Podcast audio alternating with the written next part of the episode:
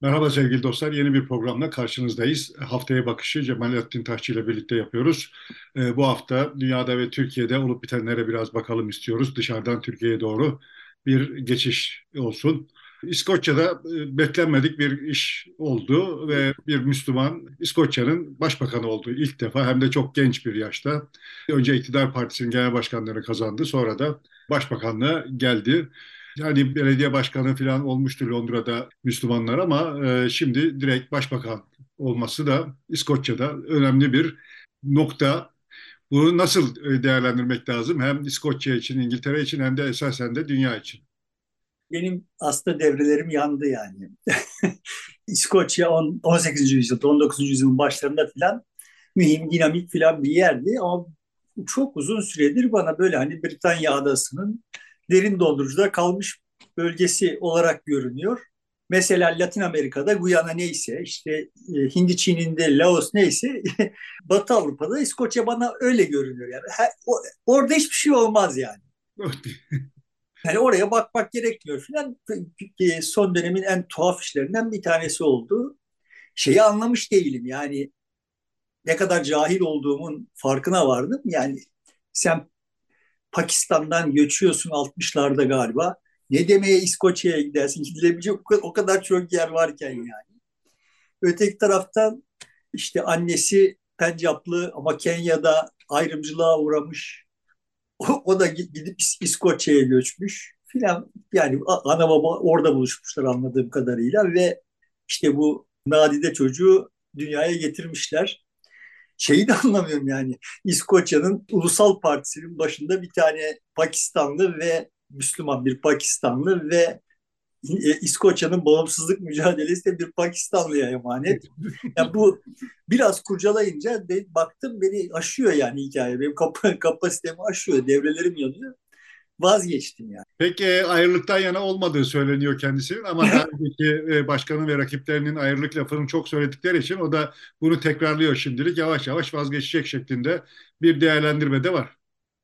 Olabilir yani onları bilemem ama hani Müslüman olup LGBTİ haklarını rakiplerine karşı savunuyor. E, müdafaa etmişliği filan olması görünüyor ki tuhaf bir dünyada yaşıyoruz. Yani bundan sonra, sonra konuşacaklarımız da bu tuhaf dünyanın ne kadar tuhaf olduğunun göstergesi. En, en büyük desteği de Yeşillerden almış. Bir de böyle. bu hafta T24'te Ali Yaycıoğlu Murat Sabuncu'nun misafiri olmuş. O da böyle şaşkın şaşkın bende kalan intiba bu yani. yani böyle bir dünyada yaşıyoruz. Tabii bunlardan söz etmiyor da. Ama hani daha tarihçi gözüyle Türkiye'nin meselelerini konuşurken bütün bunların aslında evrensel bir determinantı var. Ve Türkiye burada bir dünyanın problemlerinin çözümünün laboratuvarı ya da işte çözümün üretim merkezi en azından üretiminin büyük ortaklarından birisi olabilir gibi iyimser laflar etmiş. E, şükran duydum bir defa daha kendisine. Ama onu izlerken meseleyi şöyle ifade edebilirmişim gibi hissettim. Biraz böyle teknik meselelerin dışına çıkacağım. Yani yine kendimce kavramsal bir şeye gireceğim verirsem. Şimdi bir toplantıya girmişim. Düşün. Girmişiz hep beraber. Ve hani o toplantılarda hep olur masanın üstüne bir not blok bir de şey bırakılmış herkesin önüne. Kalem bırakılmış. Toplantıda çok sıkıcı. Bilmiyorum o tür toplantılara girdiğinde ne yaparsın? Ben o tür toplantılara girdiğimde o kalemle o kağıdın üzerine bir takım desenler çizerim karma karışık şeyler çizerim yani. Şimdi diyelim ki yani böyle çizme kabiliyetim yok ve e, şeyde kareli olsun.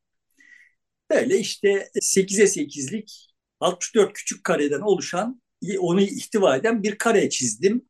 Sonra o karenin tam ortasından yine işte aynı boyutta bir başka kare çizdim.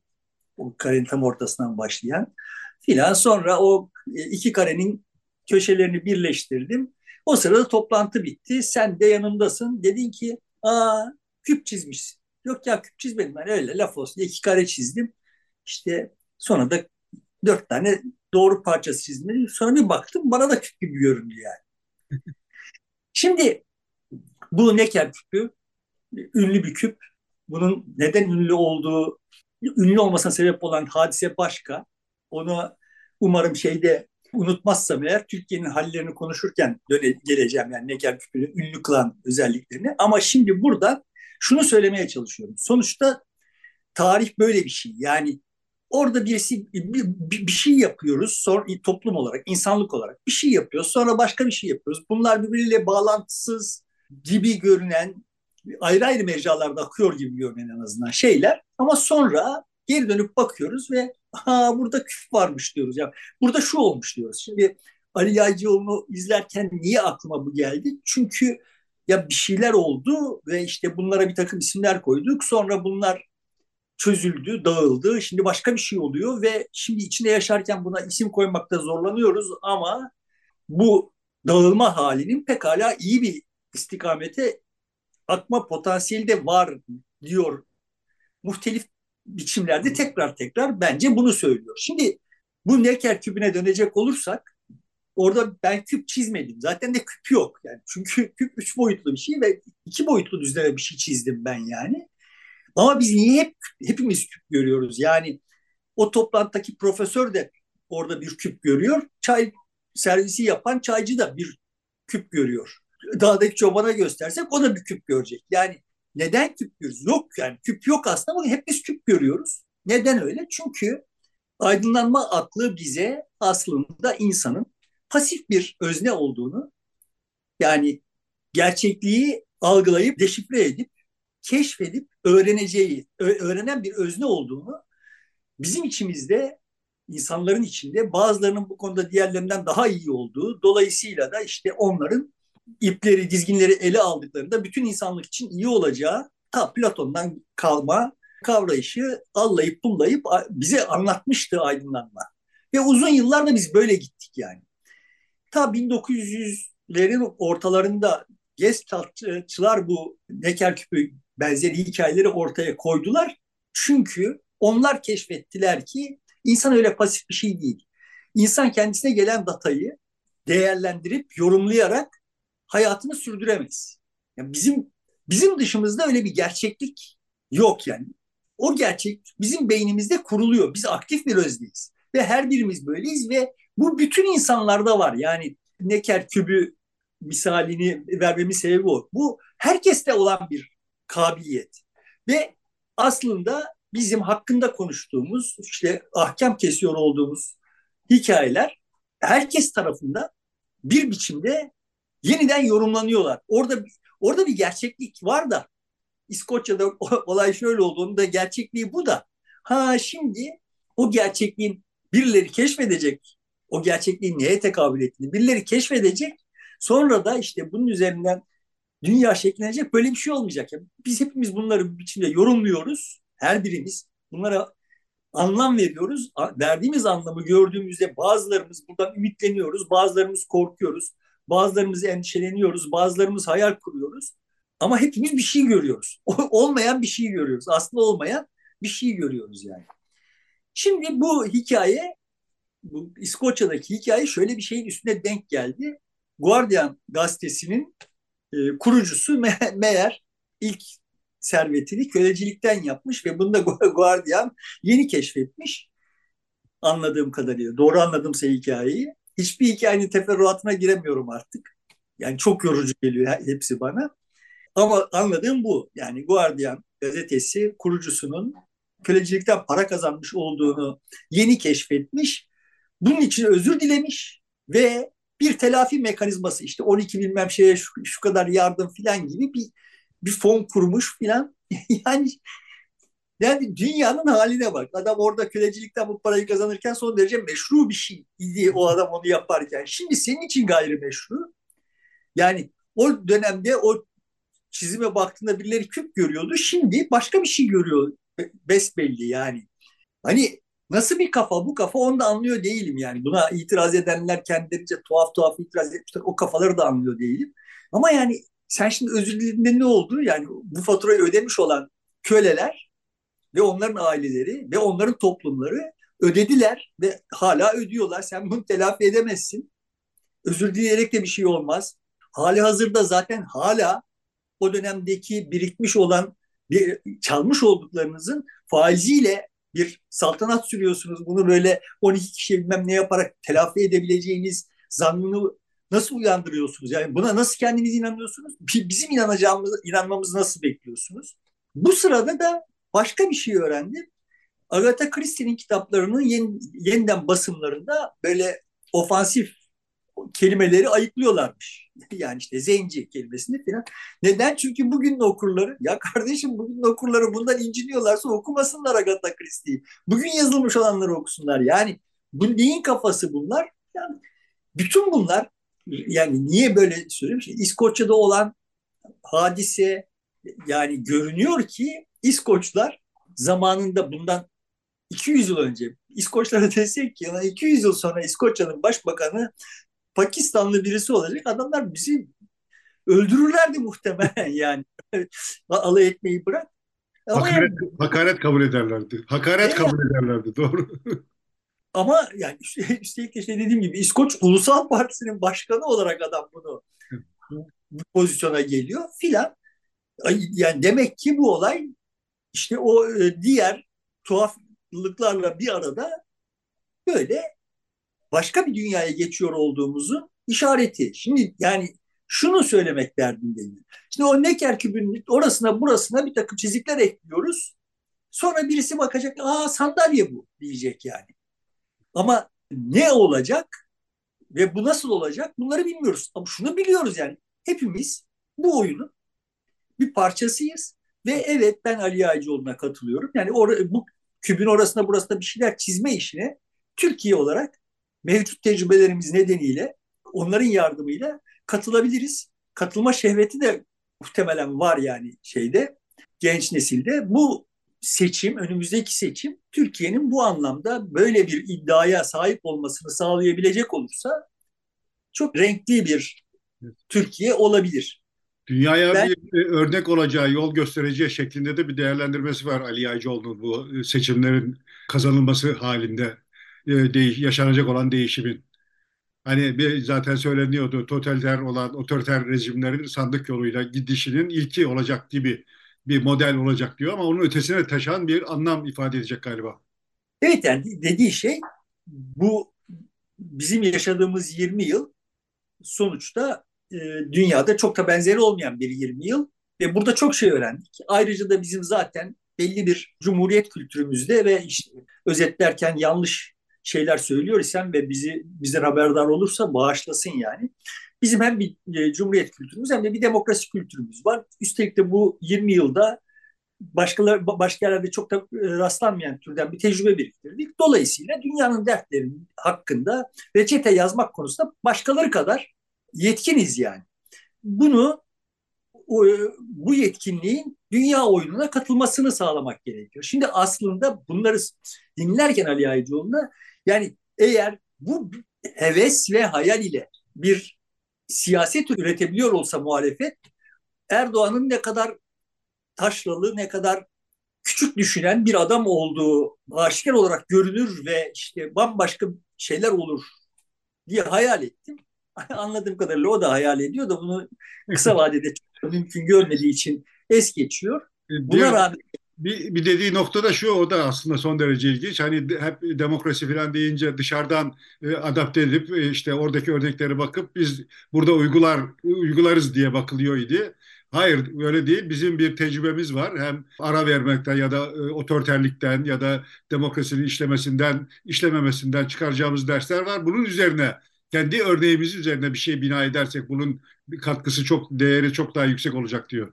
Evet yani sonuçta biz bu 20 yılda sahiden çok şey öğrendik. Yani bu görünmüyor. Seninle daha önceki programlarda birçok bir programda bunları konuştuk yani. Aslında var olan, olmuş olan, olmakta olan birçok şey görünmüyor. Biz şimdi orada yani bu programda da konuşacağımız böyle bir takım küstah aktörlerin küstahlıklarını falan falan görüyoruz da toplum az bu dönemde bu 20 yılda nasıl değişti, nasıl dönüştü toplumun ana gövdesi. Buradan her birimiz neler öğrendik? Yani hangi taş tahtaya basmamamız gerektiğini ya da şu tahtaya basarken nasıl basmamız gerektiğini birçok birçoğumuz öğrendik yani. Yani şimdi ben geçen programlarda demişim ki işte işçi partililer daha efendice ve işte usturuplu konuşuyorlar, ölçülü konuşuyorlar demişim. Birisi videonun altında nesi ölçülü bak işte Serra şurada şunu söyledi burada bunu. Yani, yani evet onlar oluyor da ama ana hatları itibariyle 70'leri bilen birisi kabul edecektir ki sosyalistler çok şey öğrenmiş olarak konuşuyorlar. Yani böyle tekil örneklere baktığımız zaman görmediğimiz ama 70'lerle mukayese ettiğimiz zaman çok bariz görünen bir fark var yani. Dolayısıyla bunları bu, bu öğrenilmişlikleri göremeyiz. Görmüyoruz yani. Bu zaten görülemez. Şimdi ben de Necker kübü gibi bakıyorum. Aa, burada küp varmış diyorum. Ya ama bu, bu öğrenilmişlikler öğrenildiler. Bu tabii ki şimdi Ali Yağcıoğlu da işaret ettiği gibi kendiliğinden ve koşulsuz olarak daha olumlu bir Türkiye ve daha olumlu bir dünyaya yol açmaz. Bunun e, istikametlendirilmesi gerekiyor. Ve yani evet ben de bu mevcut muhalefetin bu dar zamanda bu işi üstlenmesinin zaten saçma olacağını düşünüyorum ama bu öğrenilmişliklere de güveniyorum. Yani buradan biz bir şeyler başka bir şeyler yapabiliriz. Neyse Türkiye'ye hemen geldik. Türkiye'ye gelmeden daha konuşacak çok saçmalık var yani. İstersen Ermenistan'daki bir e, Paşinyan'ın çıkışı var galiba. E, Putin'i yakalama hakkı olan bir koruma geçmiş Ermenistan Ulusal Ceza Mahkemesi'nin verdiği karardan sonra. Uluslararası, evet, uluslararası, uluslararası. uluslararası Ceza Mahkemesi diye bir yer varmış. Dünyanın birçok ülkesinin üyesi buna üyeymiş. Yani imza koymuş. Yani bir Roma statüsü diye bir şey varmış. Nasıl öğrendik bunu? Yani bu ceza mahkemesi geçen hafta galiba yani bir önceki hafta Putin'e yakalama kararı çıkardı. Öyle öğrendik. Öğrendim ben yani öyle bir teşkilatın olduğunu. Biz e, dahil değilmişiz. Buraya Ermenistan 2000 küsürde 2009 mu 2010 mu ne ya, ya da pardon 2019'da bu statükoya dahil olmaya karar vermiş. Onların gerekçesi tabii şey imiş yani Azerbaycan savaş e, hukukunu ihlal ediyor ve bunu şikayet edecek bir yer lazım. İşte buraya şikayet ederiz ne güzel filan diye. Sonra bu rafa kaldırılmış, unutulmuş. Sonra geçen ay akla gelmiş, yeniden gündeme getirilmiş. Tam o sırada da iş bu kurum Putin'e ceza öngörünce anladığım kadarıyla bu iş yeniden e, gündeme geldiğinde Ermenistan'da Putin ve Putin yandaşları hem Rusya'da hem Rusya dışında köpürmüşler yani. Böyle de şeyler oluyor yani. yani dünyada hani hakikaten tuhaflık şimdi. Sonuçta e, Sovyetler Birliği'nden arta kalmış olan cumhuriyetler içinde Rusya'nın hizasından en çıkamayacak olan hangisidir dense muhtemelen bin kişinin 999 Ermenistan derdi yani. Ama son 10 yılda, o son 5 yılda filan böyle bir orada da bir tuhaflık oluyor. Şimdi Ermenistan Avrupa'ya yanaşmaya çalışıyor. O coğrafi engellere rağmen başına tokat vuruluyor, bir dizlerin üzerine çöküyor, yeniden kalkıyor. Bir şey yapmaya çalışıyor yani Ermenistan. Ve bu bu da böyle en beklenmedik yerden çıkıyor yani. Savaş kaybeden Paşinyan seçim kazanıyor tekrar. Bu da enteresan. Yani, evet. Ve yani muhtemelen de, yani işin içini iç yüzünü bilmiyoruz yani oralarda değilim falan falan ama yani muhtemelen de sadece bu Rusya ile ikircikli Avrupa ile daha sempatik ilişkisi sayesinde o savaş kaybettiği halde seçim kazanma hadisesi vuku buluyor. Ermenistan'daki yani, vatandaşların çoğu da de, de, Moskova'da taksi şoförlüğü yaparak geçimini sağlıyor deniyor. o kadar da Rusya'ya bağlı yani Moskova'ya bağlı. Evet. işte ben bizim gördüğümüz gibi gördüğü için herhalde Putin'de Ermenistan'dan böyle bir şey ihtimal ortaya çıkınca vay bu bana karşı bir şey diye elektriklenmiş anladığım kadarıyla. Onun dışında bir yani şey var. Dünyayı dolaşmaya devam edeceksek Biden zaten kendi başı belada o hakkında bir yıl abuk sabuk şey ortaya çıktı. Bunları yine anladım. Doğru anlıyor isem Amerika'nın liberal basını görmezden geliyor.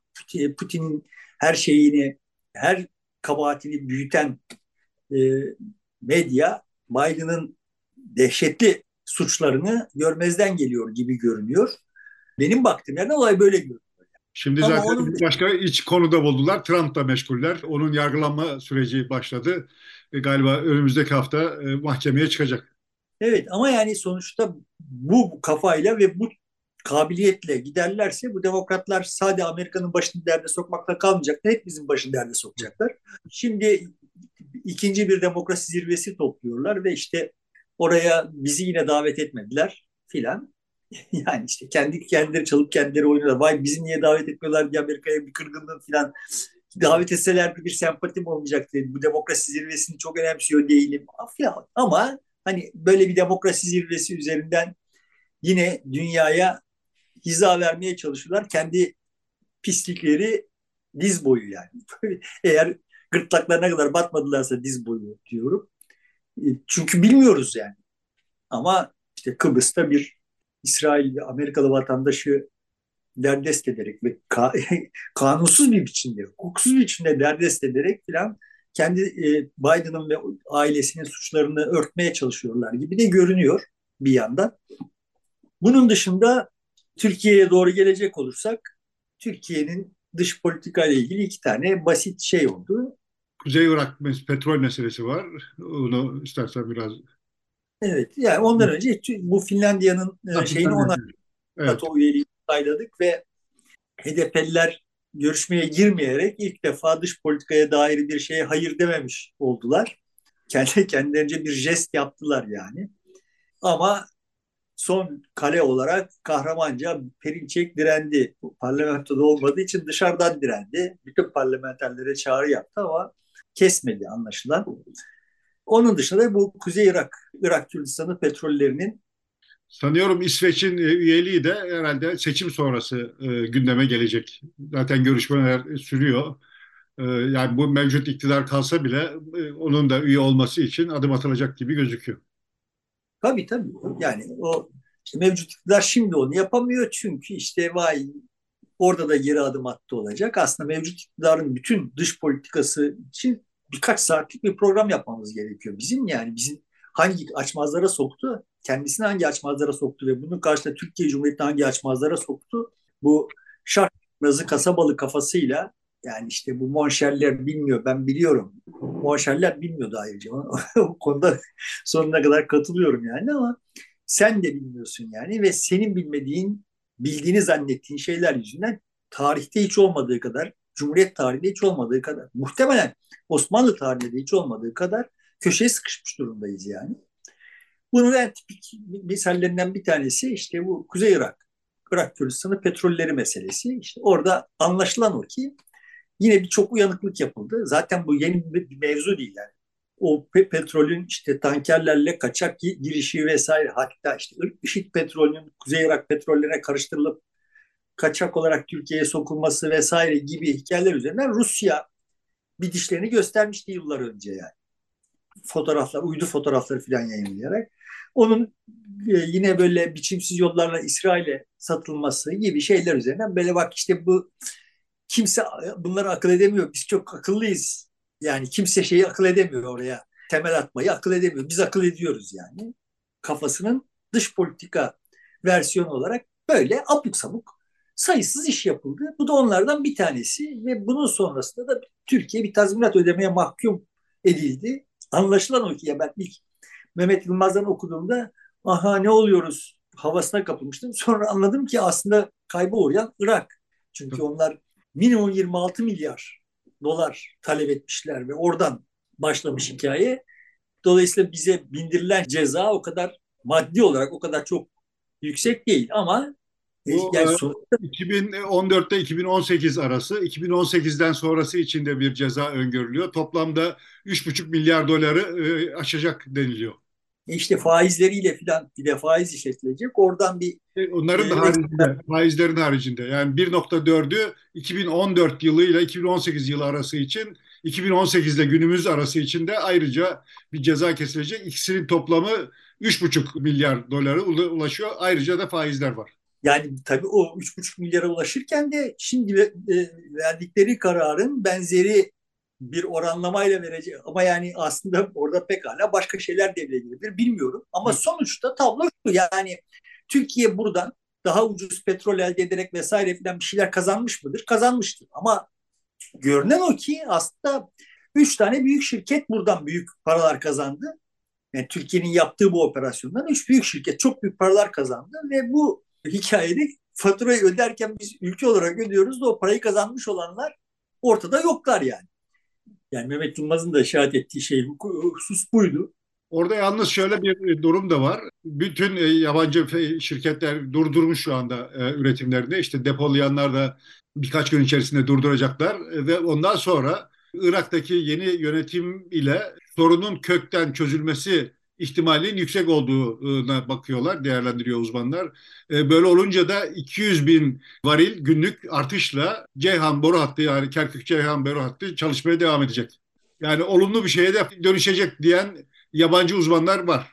Türk uzmanlar değil. Yerli uzman da var. Aydın Selcan e, burada ciddi yani Türkiye'nin Irak ve Irak Kürdistanı ile ilişkilerini düzene sokması için ciddi bir fırsat doğmuş olduğunu da işaret ediyor. Çünkü evet yani Irak'ta da Irak'la Irak Kürdistan arasında zaten yani Bağdat'la e, Erbil arasında bir bir sıkı, sıkışıklık var yani. Bu sıkışıklıkta Türkiye bir düzenleyici fonksiyon üstlenebilirdi. Bu, bunu yapmaya bu, bu tür işleri yapmaya kalkmak yerine işte böyle kasaba kurnazlığıyla işler yapıldığı için bu hale geldik ve evet şimdi bir ekstra fırsat doğacakmış gibi görünüyor. Yani biz muhalefet seçimi alırsa bir enkaz devralacak dedik. Hemen her konuda realitede böyle ama öte tarafından bakınca da çok ciddi fırsatlar doğacak. Hani insan bu heyetin bu fırsatları ne yapacağını düşündüğü zaman da gece pek uyku, gözüne uyku girmiyor yani. Umarım beni bizi yanıltırlar. Oy baskısı biraz etkili oluyor ya da kamuoyundaki hava beklenti bazı şeyleri düzeltebiliyor. Evet ya sonuçta son güvencemiz kamuoyu ve işte kamuoyunun bu seçim muhalefet kazanacak olursa seçim sonrasında hop buraya kadar bundan sonra bana bakmak zorundasınız diyeceğini ümit ediyorum ben de yani. Muhtemelen çok aktif olacaktır. Zaten uzun süre baskı altında kaldığı için derdini ifade edemediğinden daha bir derlerim toparlanıp dayanışma haline geçecek ve taleplerini daha gür bir sesle ifade edecektir. Yani senin deyimiyle oyuna dahil olmayı daha çok istek isteyecektir. Evet. Yine de hani parlamentoda tercümanlık yapacak birileri olursa, kamuoyuna tercümanlık yapacak birileri olursa daha işimiz kolaylaşır yani. Umarım ona göre bir takım isimler, adaylar falan gündeme gelirler. Böyle yine parlak, pırıltılı isimler konuşuluyor. O pırıltılı isimler, ya başka alanlarda uzmanlığı olan, başka alanlarda parlaklığı olan isimler konuşuluyor. O onların dışında biraz siyaset üretebilecek kabiliyette birileri de umarım listelerde yer alır. Kendisi de yer bulur. Ve umarım bir partiler, parti içi demokrasiler çalışmaya başlar da sonuçta partilerin içinde de bir rekabet içinde siyaset üretilmesi mümkün olur. Ama ben yani ısrarlıyım. Dünya şu andaki sıkışıklık çok konjonktürel bir sıkışıklık. Bir eşiği atladığı zaman şimdi içinde bulunduğumuzdan çok daha geniş, çok daha konforlu, çok daha ümit var, çok daha fazla fırsat barındıran bir yere doğru zıplayacak yani. Gibi gözüküyor evet. Dolayısıyla Türkiye'de orada evet kendisine Türkiye, bir yer bulabilir. Türkiye'ye geçerken şöyle geçelim. Önce iktidarın hallerini konuşacağız ama Ali Yağcıoğlu mesela bir e, Obama benzetmesi yapmıştı Kemal Kılıçdaroğlu'nu. Onun gibi bir rol üstlenebilir, üstleniyor diye bir Alevi ve bir Tuncelili olması nedeniyle e, bir e, işte Obama'nın Amerika'da oynadığı role benzer bir rolü Türkiye'de üstlenebileceğini de ifade ediyor. Bu aslında işte e, Kerkük petrollerinin fırsata dönüşebileceği gibi Türkiye için de aslında büyük bir fırsat. Yani şimdi o Obama benzetmesini daha önce yaptığında da ben tereddüte düşmüştüm. Şimdi tereddütteyim. Tabii o Amerika'da yaşıyor. Ben Amerika'yı böyle uzaktan izleyen bir saf dilim yani.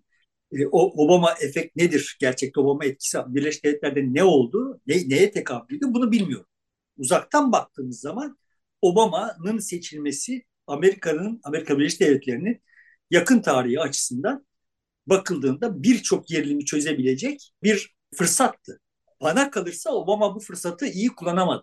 Yani o yüzden biz Birleşik Devletler'de bir Trump hadisesine ma- maruz kaldık. Yani dolayısıyla şimdi o Obama benzetmesi beni ürküttü. Yani vay şimdi Kılıçdaroğlu seçilip Obama olacaksa Obama'dan sonra bizim başımıza böyle manyak bir ırkçı gelme ihtimali veya işte devletperest gelme ihtimali çok yüksek yani.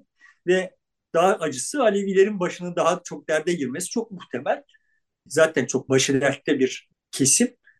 Dolayısıyla umarım Obama'ya benzemez. Benim bakış açımdan. Tabii o, o kendisini dediğim... sembol olarak reformu yapmış, oraya gelmekle reformu tamamlamış kişi olarak gördü galiba. Oraya gelince de beklenen hiçbir reformu gerçekleştirmedi.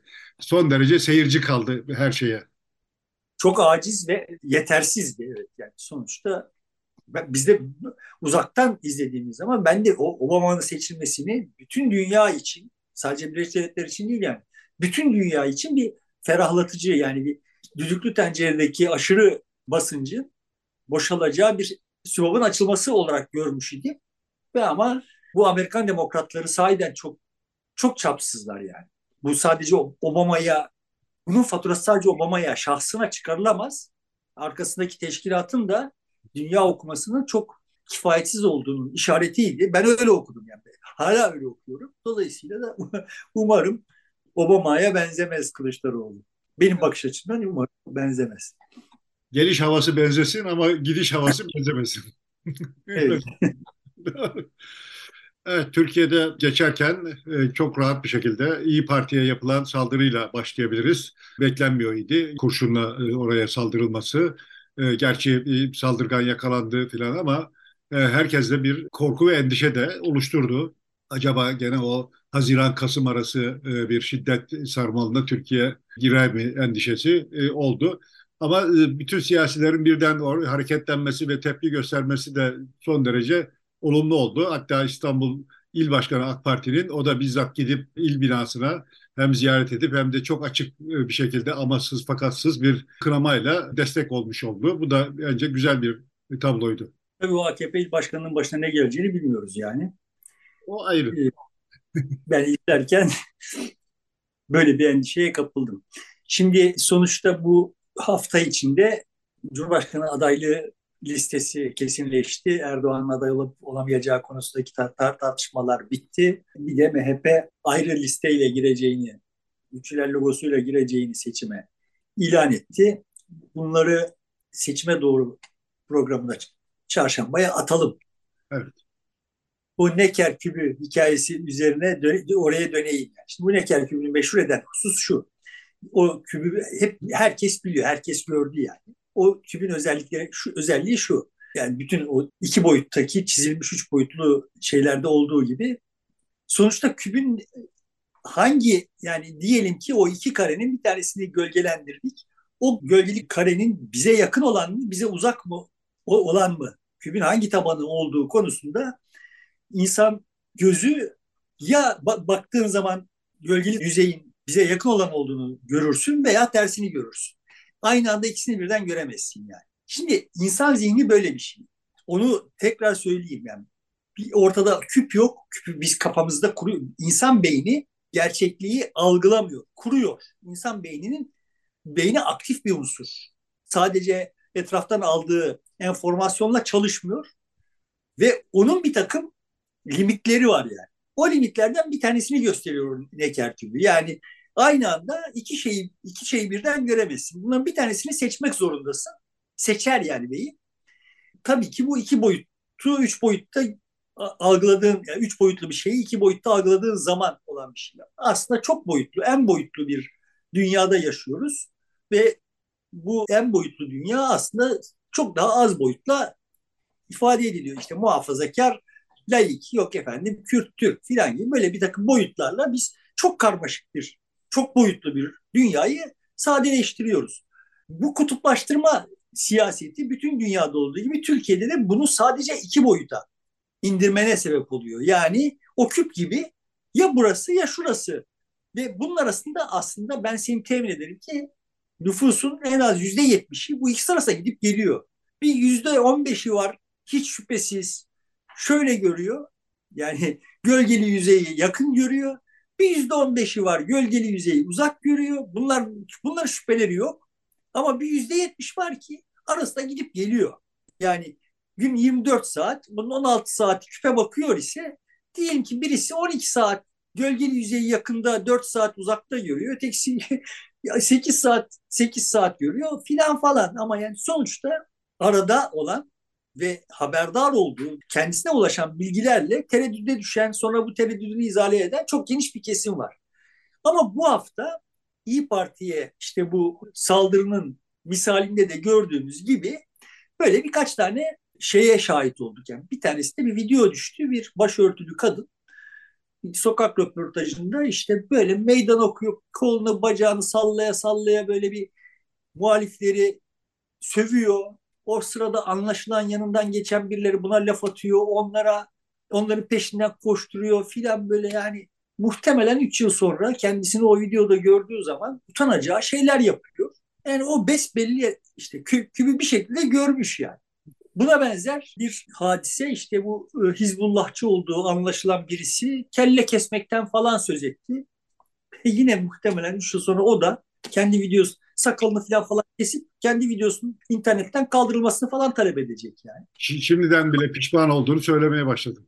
Ama tabii bunun en e, hat safhası şeyde ortaya çıktı. Yani bu İyi Parti'ye saldırıda ortaya çıktı. Kimse ve yani her hangi haklı, akla hizmetse işte böyle bir şeye teşebbüs etti.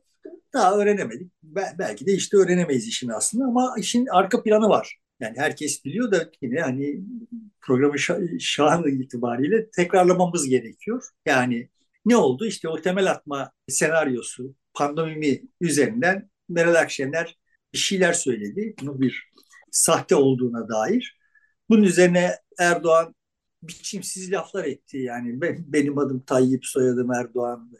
işte kendini hedef yerleştirme mealine gelecek falan. Yani böyle tuhaf tuhaf laflar etti ve işte akabinde e, o arada anladığım kadarıyla Turan Çömez hakkında da bir şeyler söylemiş. Çünkü Turan Çömez de bu temel hakkında bir şeyler söylemiş.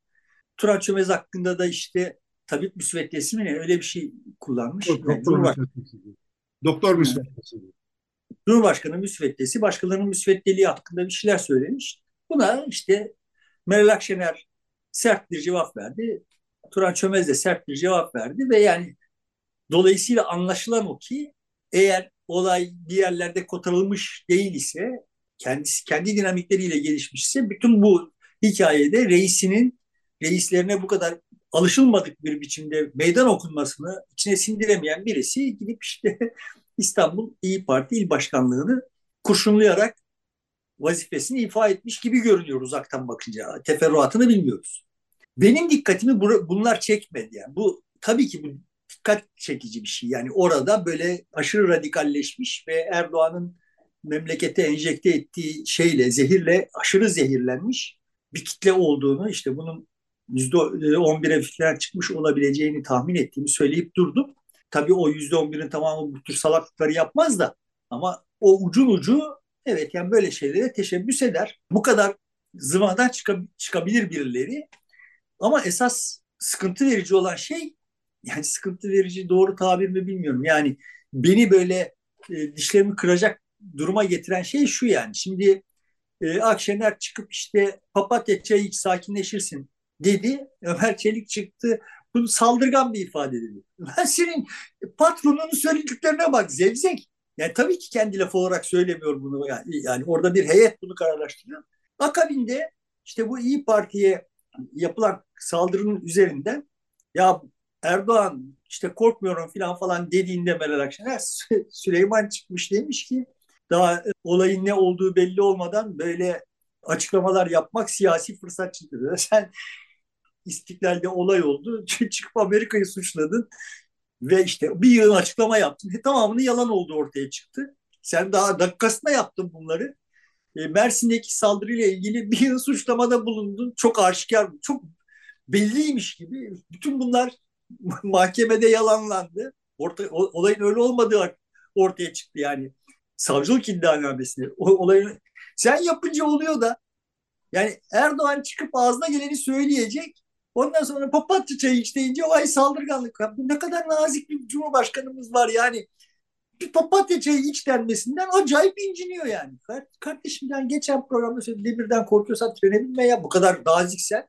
Sen sana papatya çayı iç dendiğinde inciniyorsan git kö köşede çekil ya. Yanındaki zevzekleri de al git yani. Yani bu nasıl bir kafa ya? Sizin başkanınız Cumhurbaşkanı koltuğunda oturan bir AKP başkanı olarak her konuşmasında yani durmadan bir parti propagandası yapacak ve rakiplerini ne olmayacak ağza yani sokak kavgasında söylenmeyecek şeyleri söyleyecek adama papatya çay iç diye denemeyecek yani. Ya böyle bir dünya var mı ya? Var. Burası Türkiye işte. Türkiye böyle bir dünya. Erdoğan Türkiye'si böyle bir dünya yani. Ve işte Ömer Çelik gibi adamlar da bu memlekette adama sayılıyorlar. Normal şartlarda taksi şoförlüğü yapamayacak. Taksi şoförünü aşağılamak değil derdim yani. Ya ama yani evini geçindiremeyecek adam belli işte orada kostaklanıyor. Kızıyorum kendi kendime. Sonra diyorum ki adam benim hakkında, benim onun hakkında söylediklerimi duysa falan. Yani, salak sen orada işte kredi taksitlerini ödeyemiyorsun. Ben burada malı götürdüm. Bütün bu aşağılık işleri üstlendim ve bu malı götürdüm diye bakıyor. Şimdi e, yani o da bir bakış açısı. Evet yani onlar malı götürdüler. Her birisi Fahrettinler şunlar bunlar malı götürdüler ama yani değer mi? E yani bazılarına göre değiyor demek ki yani. İnsanoğlu çeşit çeşit. Beş parmağın beşi bir mi demişti Necati Cumalı. Böyle yani. Şimdi bu olayda da mesela İstanbul İl Başkanı gidip geçmiş olsun diyor ve bu terör saldırısıdır diye değerlendiriyor. İçişleri Bakanı ve işte Cumhurbaşkanı Sözcüsü İbrahim Kalın'ın açıklamaları da bunun böyle olmadığı, niye hemen ilk fırsatta Cumhurbaşkanı'nı hedef alıyorsunuz şeklinde ve siyasi bir değerlendiriyorsunuz şeklinde eleştiriler geldi. Yani siyasi parti farklı davranmaya eğilimli ve davranıyor. E, atanmış olanlar, e, memur durumunda olanlar ise başka türlü hareket ediyor ve davranıyor. Burada da aslında bir zıtlık var. Yani sahada olan e, vatandaşla iç içe olanın tutumu ile yukarıda olanın tutumu arasında fark var. Olabilir yani oradan kaynaklanıyor olabilir ama ben çoktandır partide de devlette de öyle bir akıl se sezmiyorum yani. Dolayısıyla bu iyi polis kötü polis oynamaya da müsait bir oynamaktan kaynaklanıyor da olabilir. Yani o partinin içinde AKP'nin il başkanı öyle davranmıştı ama partinin içinde bir yığın kişinin içte öyle davranmadığını düşünüyorum. Yani sonuçta şunlara sebep olan ve olayları böyle yönetiyor olan bir partiden milletvekili adayı olmaya heveslenenlerin dünya görüşleri işte belli yani. Bu partinin tabanı yok. Tabanıyla ilişkisi tamamen koptu. Mesele ay- ayakta kalmasına sebep olan işte o neker kübü. Yani biz AKP'yi görmezsek Kılıçdaroğlu'nu görmek zorundayız. İkisinden birisi haline indirgenmiş durumda. İndirgendi. Türkiye bu kadar sıkışık bir ülke değil. Türkiye çok renkli bir ülke yani. Ama Erdoğan sittin senedir ısrarla oyun her sabah kalkıp memleketi yeniden ikiye böldü. Memleket o her sabah ikiye böldü. Akşama doğru yeniden yapıştı. E, birleşti. iki yakası bir yere geldi. Çeşitlendi, renklendi. Sabah yeniden bu işi yaptı. Sonuçta şimdi geldiği noktada yani işte kendi kendisini kendisinin yaptığı iş kendisi için hayatı zorlaştıracak bir noktaya geldi. Ama ne olmuş oldu? Yani evet bu arada kendi muradına da erdi bir anlamda bakacak olursak. Kılıçdaroğlu'nu görmek istemeyen Erdoğan'ı görmek zorunda kalıyor. Yoksa tabanda Erdoğan'a 2002'deki 2007'deki hevesle arka çıkmaya çalışacakların oranı dediğim gibi %10'u 11'i geçmez yani. O civarda. Burada acaba şöyle bir şey diyebilir miyiz? Bir e, strateji belirledi e, Erdoğan ve ekibi. Kılıçdaroğlu'nu rakip olarak görmek ve öne çıkartmak yerine Meral Akşener'i hedef alarak e, onunla bir gerginlik oluşturup Kılıçdaroğlu'nu unutturma e, yolu benimsemiş olabilir mi? Olabilir ama ben onu da çok eğer öyleyse onun da uzun süreceğini zannetmiyorum. Yani olay mecburen Kılıçdaroğlu'na gelecek ama bu ama şunu emniyetle söyleyebilirim ki Akşener için bir nasıl diyeyim imdat ipi oldu yani. Evet. Akşener buradan itibaren kaybettiğini telafi edebilir. Buraya bir, kadar kaybettiğini telafi enerji, edebilir. Enerji hapı oldu. Evet. evet. Doğru. E, biraz morali bozuktu. E, biraz gidip gelmesinden kaynaklanan ve işte Ağır Alioğlu'nun istifasıyla da e, zirveye çıkan iç burukluklar vardı onun getirdiği bir durgunluk o durgunluk herhalde şimdi sona ermiş olacak. Yani morali artmış olacak. Ali Yaycıoğlu aman morali artsın İyi Parti'nin lazım diyordu. Galiba o lazım olan şey gündeme geldi. Olabilir yani evet. Ben Akşener'in durumunun o işte gidip gelme hadisesi vesaireyle falan falan çok ilişkili olduğunu düşünmüyorum. İşler bir zamandır yolunda gitmiyordu. Yani Akşener hakim değil. Oyuna, oyuna hakim değil. Kendi oyununa hakim değil yani. Ve manevra alanında son derece dar, masa yüzünden dar. Masadaki bütün oyuncuların manevra alanları dar. Kimse diğerlerini hesaba katmadan bir şey yapamayacak olduğu için hiç kimse hiçbir şey yapamıyor. Dolayısıyla bunun yarattığı daralmayı yönetemiyor olmasından kaynaklanan zaten uzun süredir var olan bir şey vardı. O gidip gelme hikayesinin çok çok doğrudan bir etkisi olduğunu düşünmüyorum. Hani böyle vay şu kadar iyi Partili istifa etti, üye ayrıldı filan, şu kadar da oyları düştü filan deniyor. Zaten gevşemişti. Zaten yani bir sıkıntı vardı. O yüzden o hadise o sonucu doğurabildi. Kamuoyu o sıkıntıyı o gidip, gidip gelmekle anladı. Daha önce farkında değildi kamuoyu. Evet içeridekiler onu görüyordu. Gözlemciler belki fark edebiliyorlardı ama geniş kamuoyunun olayı anlaması o gidip gelmeyle oldu. Yani bu da senin iyimser yorumun. Benim açımdan kamuoyu onu hissediyordu. Yani ben işte nereden biliyorum? Yani İyi Parti'den aday adayı olmak isteyen birilerinin beni arama frekansından ararken bundan ne ölçüde ümitli ne ölçüde endişeli olduklarından, ses tonlarından vesaireten falan anlıyordum. Çünkü onlar işte sokakta İyi Parti'nin ne kadar konuşuluyor olduğunu falan biliyorlar. Yani konuşulurken nasıl konuşuluyor olduğunu biliyorlardı zaten. Akşener'in de bunu biliyor olduğunu. Sonuçta senin dediğin sonuç bu Twitter ahalisi yüzünden öyle oldu. Twitter ahalisi dedi ki aha İyi Parti masadan kalktı, oyları düştü dedi. Millet de aha evet ondanmış diyor. Yani aslında öyle olmadı yani. Oyları zaten geriliyor idi. Ve var olan oy gibi görünüyor olan şey de gevşemişti. İnanç kaybolmuştu yani. Neden? Yani tekrar aynı şeyi söylüyorum. Yani masada sen otursan ben otursam kendimiz olarak bir şeyler yapma, kendi marifetlerimizi sergileme şansımız yok yani. Çünkü masanın isticam bozulacak. Öyle bir yine bu Twitter ailesi öyle bir hava oluşturdu. Aman ha kırpraşmayın masa devrilecek. Yani böyle olunca hiç kimse kıpraşamadı. Kıpraşamayınca herkesin enerjisiyle birlikte karşılığı geriledi. Dolayısıyla Akşener'in do, donukluğu zaten e, daha önceden başlamıştı. Şimdi evet yani bu bir enerji enjeksiyonu olabilir. Bütün projektörler bugün İyi Parti'ye döndü ve yani nasıl neticelenir bundan sonra neler yapılacağına bağlı ama sonuçta ben İyi Parti'nin en kötü durumda bile MHP'nin 2-3 puan üstünde oy alacağını tahmin ediyor idim.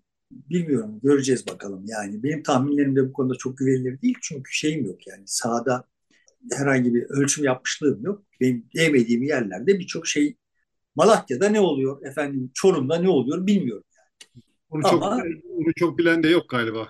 Ne Çorumlular Çorum'dakini biliyordur. Malatya'dakiler Malatya'da olanı biliyordur. Ama yani ben hani benim de değebildiğim yerlerden baktığım zaman da o Türkiye Türkiye'yi temsil etmiyor. Yani. Türkiye birkaç tane farklı Türkiye blok halinde var.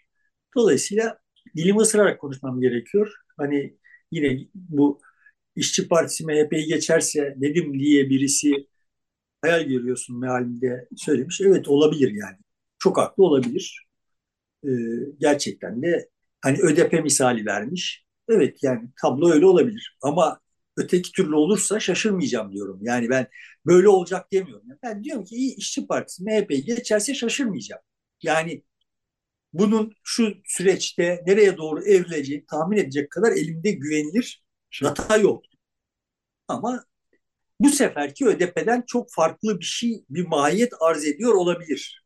Bu arada HDP'ye haksızlık ettiğim söylenmiş. HDP'ye haksızlık etmekten ar duyuyorum birçok sebeple ama yani kolu kanadı kırık olduğunu dolayısıyla da oynayabileceği fonksiyonu oynayamıyor olduğunu da görmemiz gerekiyor diye düşünüyorum. Yani işin o tarafını ihmal etmenin, gözlememenin bir, mani, bir faydası olmadığını düşünüyorum.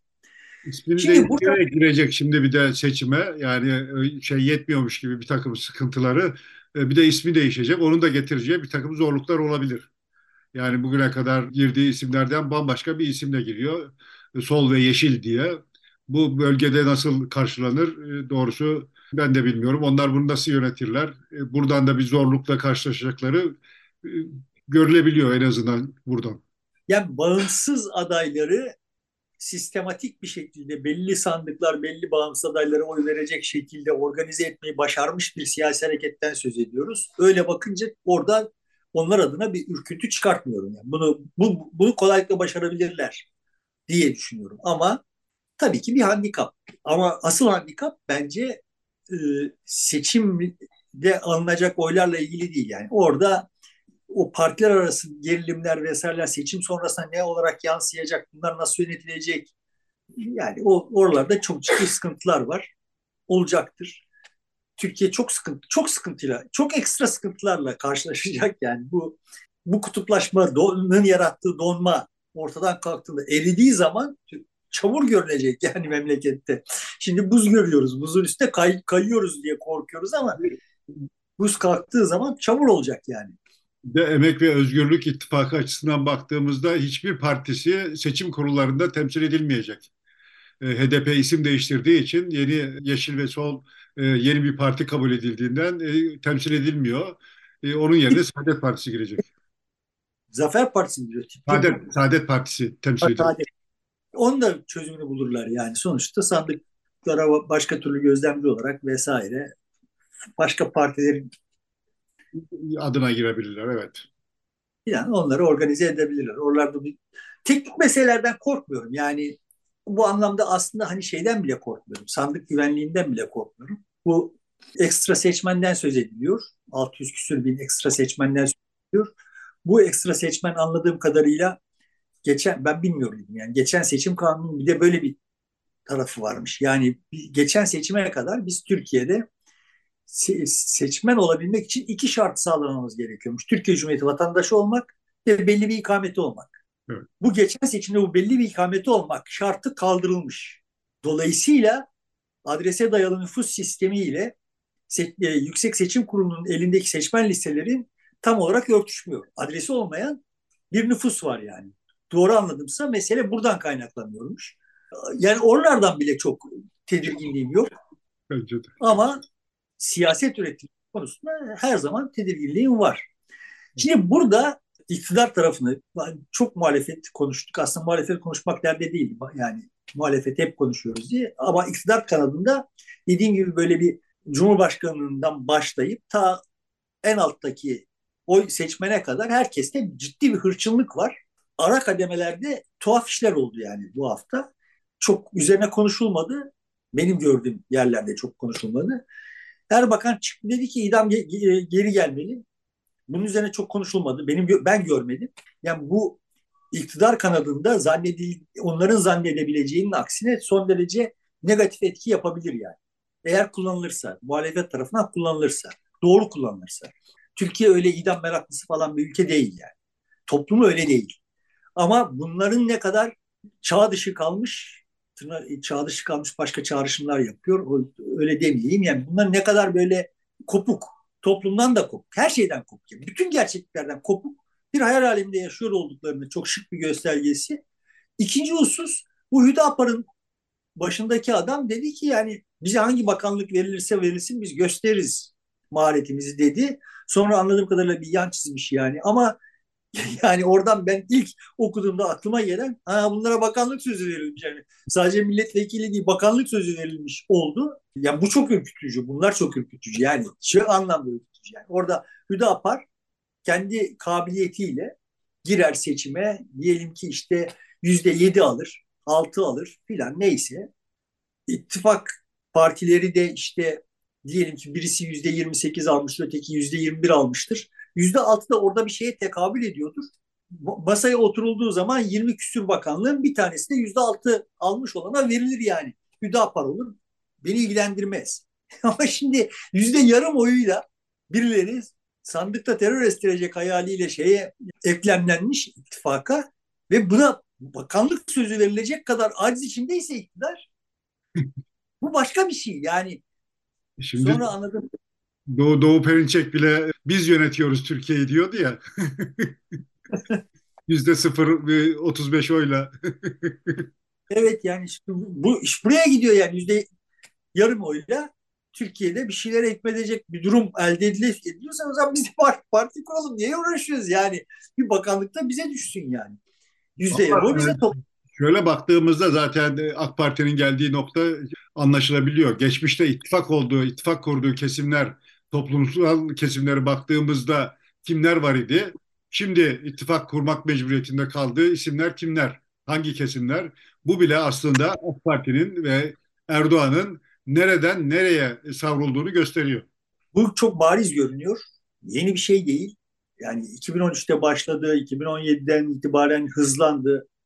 Ve ben yani kendimce işte kendi blogumda yazdıkça burada konuşurken falan hep Erdoğan'ın çok dar bir kesimin elinde rehin olduğunu söyledim. Bu kamuoyuna gösterilemiyor muhalefet tarafından. Yani bak kardeşim siz bu Erdoğan'ın peşinden gidiyorsunuz ama onun politikalarını işte bu idamcılar, bu Hizbullahçılar, bu perinçekler vesaireler belirliyorlar. Yani onların projeksiyonu ile davranıyor, davranmak zorunda kalıyor.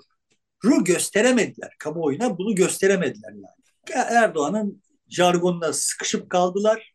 Hani te- tekrar şeye döneyim Ali Yaycıoğlu'nun yani program başlarında söylediğim şey ne? Yani sonuçta şimdi Türkiye'yi böyle TOG'larla, şunlarla, bunlarla dünya devi falan göstermeye çalışan ama onda Sisi'nin e, işte Muhammed Bin Salman'ın e, emirinin vesairenin önünde eğilmek zorunda kalan Erdoğan'ı Erdoğan'ın vizyonunun, ufkunun ne kadar dar olduğu, aslında Türkiye'nin önünde ne tür imkanlar olduğu, ne tür fırsatlar olduğu, dünyanın makbul bir inşacısı, yeniden inşacısı olabilecek olduğunu göster, gösterebilsen kamuoyuna bütün oyun değişir. Ama sorun şu yani bizim muhalefetimizin zaten böyle bir vizyonu yok ki. Yani böyle bir dünyada yaşıyoruz ve bu dünyada şu imkanlar var ve biz Türkiye olarak şu vazifeye talibiz karşında şunu alacağız gibi bir vizyonun muhalefette yok. Dolayısıyla Erdoğan'ın oyununun içinde kalıyorlar. Erdoğan'ın oyunun içine kalınca da işte kamuoyunun belli bir kesimi Erdoğan mı Kılıçdaroğlu mu diye gidip gel geliyor. Yani Kılıçdaroğlu değil o halde Erdoğan diye bakıyor. Yani Son dönemde biraz daha uzaklaştılar Erdoğan'ın serdiği minderde güreşmekten biraz daha uzak duruyorlar. Kendileri de bir minder sermeye çalışıyorlar. E, zaman zaman da başarılı oluyor aslında. Yani eskisi kadar artık Erdoğan jargonuyla konuşmuyorlar. Erdoğan'ın ana gündeminin ana hikayesinin içindeler yine sonuçta. Tekrar e, başladığım şeyle bitireyim derdimi. Sonuçta o senin düz bir kağıda çizdiğin iki kare ve işte dört tane doğru parçasını insan gözünün, insanın, insan zihninin küp olarak algılaması işte hikaye. Yani oradan bir, par bir doğru parçasını çıkardığın zaman hikaye eksik kalıyor ve insan zihni o hikayeyi tamamlamak için bir iştah duyuyor yani. Bir, orada bir eksiklik olduğu zaman bir rahatsızlık oluyor. Herkeste oluyor bu. Ve işte o tamamlandığı zaman o parçalar onu küp olarak görmek bir hikaye. İnsan bunu kendisi kendi zihnine uyduruyor. Şimdi bu hikayeyi sen adlandırmazsan, sen hikayelendirmezsen o çizimi birileri hikayelendiriyor. Şimdi hikayesi yok şeyin. Erdoğan'ı devirmekten başka bir hikayesi yok muhalefetin. Erdoğan'ın gündeminin dışındaki gündemlere çıkıp Erdoğan'ı zorlamaya çalışıyorlar. Yap, evet bunu yapıyorlar eskiden yapamıyorlardı. Ama son tahlilde elimizde kalan hikaye ne kalıyor? Erdoğan değil. Yani niye Kılıçdaroğlu? Çünkü Erdoğan değil yani. Dolayısıyla bu Erdoğan hikayesi. Hala Erdoğan hikayesi içindeyiz. Bize başka bir hayal, başka bir dünya hayali kurduracak işleri yapamadılar. Erdoğan'ın bozduğunu yapacağız. Yani gençler yurt dışına gitme, gitmek zorunda kalmayacaklar. Buna heveslenmeyecekler yani. Ne bu yeni bir hikaye değil bu. Bu Erdoğan hikayesinin kabulü. Erdoğan bunu böyle yaptı. Şimdi biz o tersini yapacağız. Tersi olacak. Dolayısıyla hala biz Erdoğan'ın anlattığı hikayenin içindeyiz. Ayrıca gençler gidebiliyorsa da gitsinler yani. Mecbur oldukları için değil, istedikleri için gitsinler, gelsinler. Ben e, Ali Aycıoğlu'nun konuşmasında şuna takıldım zaten. Yani sonuçta o de, dedi ki yani demokrasiyi demokrasiye ihtiyacımız var. Mealen söylüyorum yine bu, eğer izlerse ve yanlış bir şey söylüyorsam bağışlasın. Demokrasiye ihtiyacımız var ama demokrasi yetmiyor. Cumhuriyetçilikle bunu aşılamak gerekiyor.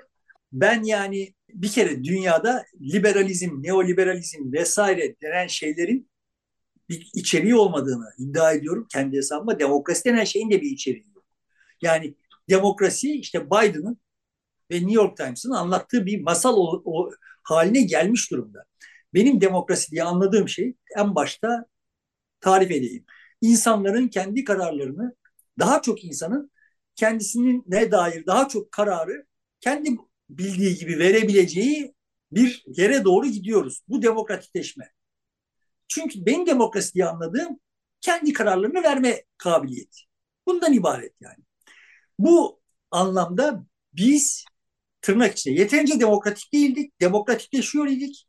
Şimdi bu dünyada Trump'lar vesaireler yüzünden demokrasi aksamıyor sadece. Kendisine demokrat diyenlerin demokrasi tarifleri yüzünden aksıyor. Ama kamuoyu bu istikamette akıyor. Yani kadınlar eskisine kıyasla çok daha fazla kendi kararlarını veriyorlar. Gençler eskisine kıyasla çok daha fazla kendi kararlarını veriyorlar. Bu anlamda evet Ali Aycıoğlu da söyledi, sen de söylediğine katılıyorum. Gençler yurt dışına gitmek istiyorlarsa gitsinler. Tamam. Gitmeleri eğer kendi kararları buysa yani onları burada barınamaz hale getirmemiş isek ve şartlar onların burada da barınabileceği şey halde iken eğer gitmek istiyorlarsa gitsinler tabii. Burada takıldığım asıl husus şu. Bir sonraki demokratikleşme safhası çok ulus devletlerin içinde düşünülemeyebilir. Yani biz hani gitmek istiyorlarsa gitsinlere bağlamak için söylüyorum. Yani sonuçta işte İskoçya'da Kenya'da doğmuş Pencaplı bir anneden yani ailesi öyle olan bir anneden ve işte Pakistanlı bir ailesi olan bir babadan dünyaya gelmiş bir Müslüman başbakan olabiliyor ise bizim şimdi böyle İskoçya, Türkiye, Pakistan, Kenya vesaire ölçeğinde düşünmemiz çok yersiz bir şey olabilir yani. Başka türlü düşünmek zorunda olabiliriz. Ama cumhuriyetçilik derken kastettiği şey yani kamuculuk, kamucu bir siyasi irade olarak baktığın zaman sonuna kadar katılıyorum. Kamucu. Şu şartlarda yani teknik olarak kendi üstüne düşen görevleri kusursuz yapan yani polisi çok iyi polis olan, öğretmeni çok iyi öğretmen olan, tabibi çok iyi tabip olan bir kamu düzenine ihtiyacımız var. Bu konuda dünyanın bu konudaki gidişatının da çok olumsuz olmadığı kanaatindeyim. Ne, neden öyle? Çünkü biz daha iyi polisler yetiştirebilecek, daha iyi şöyle söyleyelim. Bundan o 30 yıl önce polisin elindeki teknolojik imkanlar şimdikiyle kıyaslanmayacak kadar zayıftı. Dolayısıyla yani polisin 30 yıl önceki polisten daha iyi polislik yapmasının imkanları var. Neden olmuyor peki bu? Çünkü devletler polisleri toplumun düzenini değil kendi menfaatlerini korumak üzere kullanıyorlar. Yani. Daha iyi devletlere ihtiyacımız var. Daha az işe karışan daha iyi devletlere ihtiyacımız var. Ama toplumun dinamiklerine güvenmemiz gerekiyor. Bu konuda iyimserim. Türkiye'nin de bu seçimden sonra böyle bir şeye entegre olabilecek olduğunu ümit, ümit etmek istiyorum yani. Peki, çok teşekkür ediyorum. Sevgili dostlar burada bitiriyoruz. Desteğiniz için çok sağ olun. Teşekkür ederiz. İyi günler, görüşmek üzere.